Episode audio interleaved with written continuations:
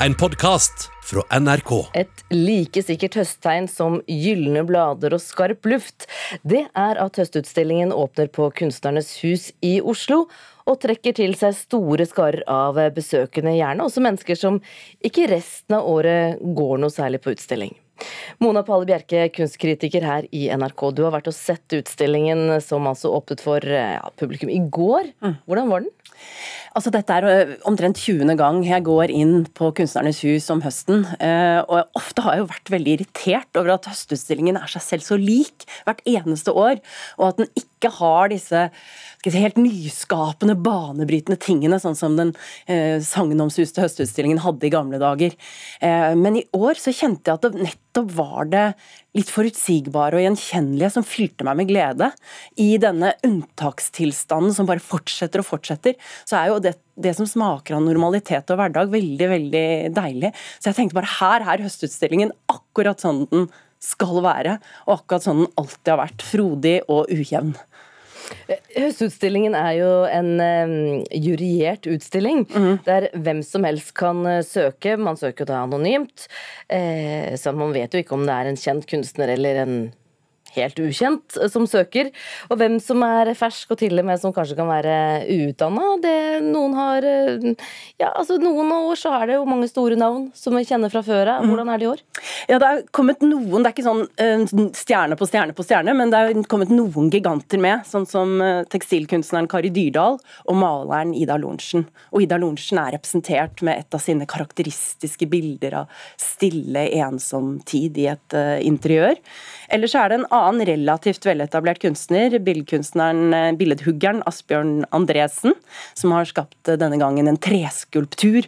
Det er en lut mannsfigur med stokk, og skikkelsens hode, hender og føtter er veldig detaljert utformet i tre, mens kroppen er bare liksom nesten skissert gjennom klosser og pinner og ulike treelementer.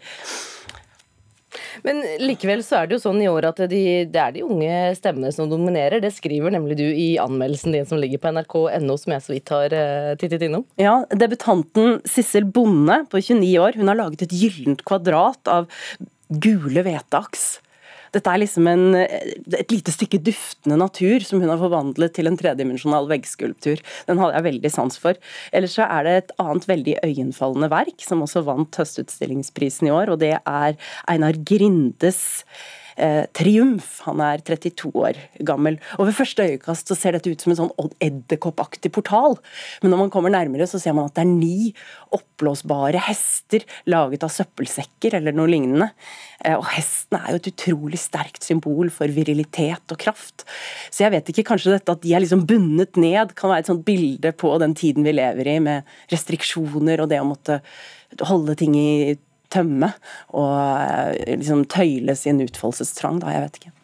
Og hvis du da skal oppsummere, altså nå er det jo sånn at jeg ser og hører på deg at mm. dette var en god opplevelse å gå på Høstutstillingen? Ja, så jeg oppsummerer med at det er ikke bare det dystre pandemibakteppet som gjør det til en god opplevelse. Det er disse mange unge stemmene som gjør det til en veldig vital og, og spennende utstilling. Og hvis du vil lese alt hva Mona Palle Bjerke mener om Høstutstillingen, så kan du lese anmeldelsen på nrk.no anmeldelser. Takk for at du kom i studio til oss, Mona Palle Bjerke, kunstkritiker her i NRK. Norske podkaster er altfor ofte laga av hvite menn som snakker til hvite menn. Det mener kommunikasjonsrådgiver med podkast som ekspertise, Hans Petter Nygaard Hansen.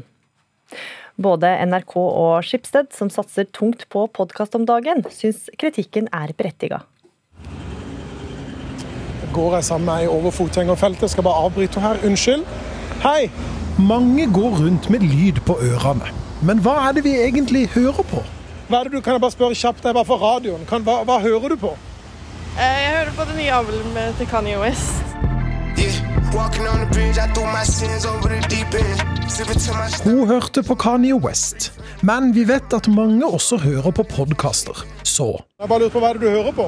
Eh, Harmo Hegseth.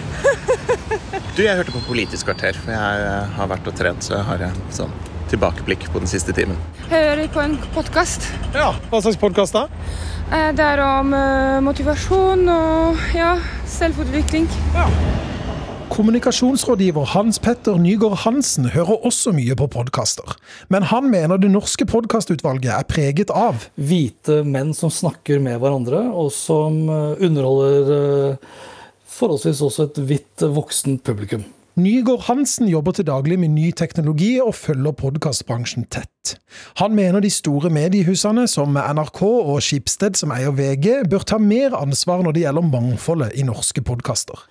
Du skal leite ganske langt altså, før du finner eh, folk med minoritetsbakgrunn. Og igjen, samfunnet er preget av flere hudfarger og flere kulturelle bakgrunner og flere språk og eh, dialekter, for den saks skyld. Så vi, vi har godt av alle som én å komme tettere på det store mangfoldet vi har tross alt da, i Norges langstrakte land.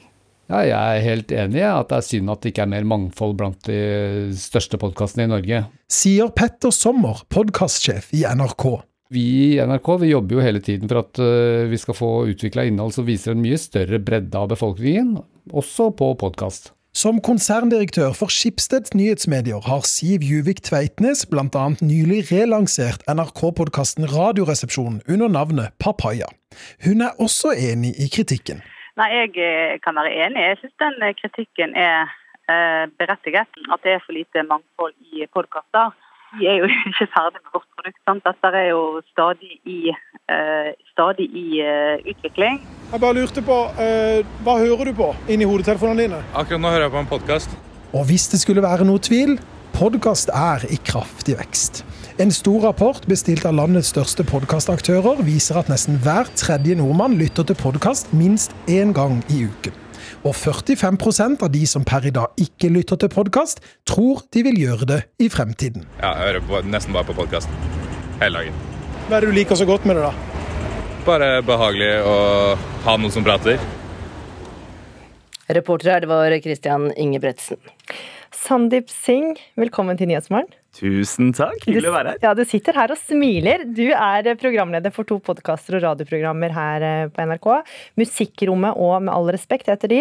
Og du har selv minoritetsbakgrunn. Mm. Du hører i reportasjen her at eh, mange, ikke bare Nygaard Hansen, sier at podkastutvalget i Norge er prega av hvite menn som lager podkast for hvite menn. Hva sier du?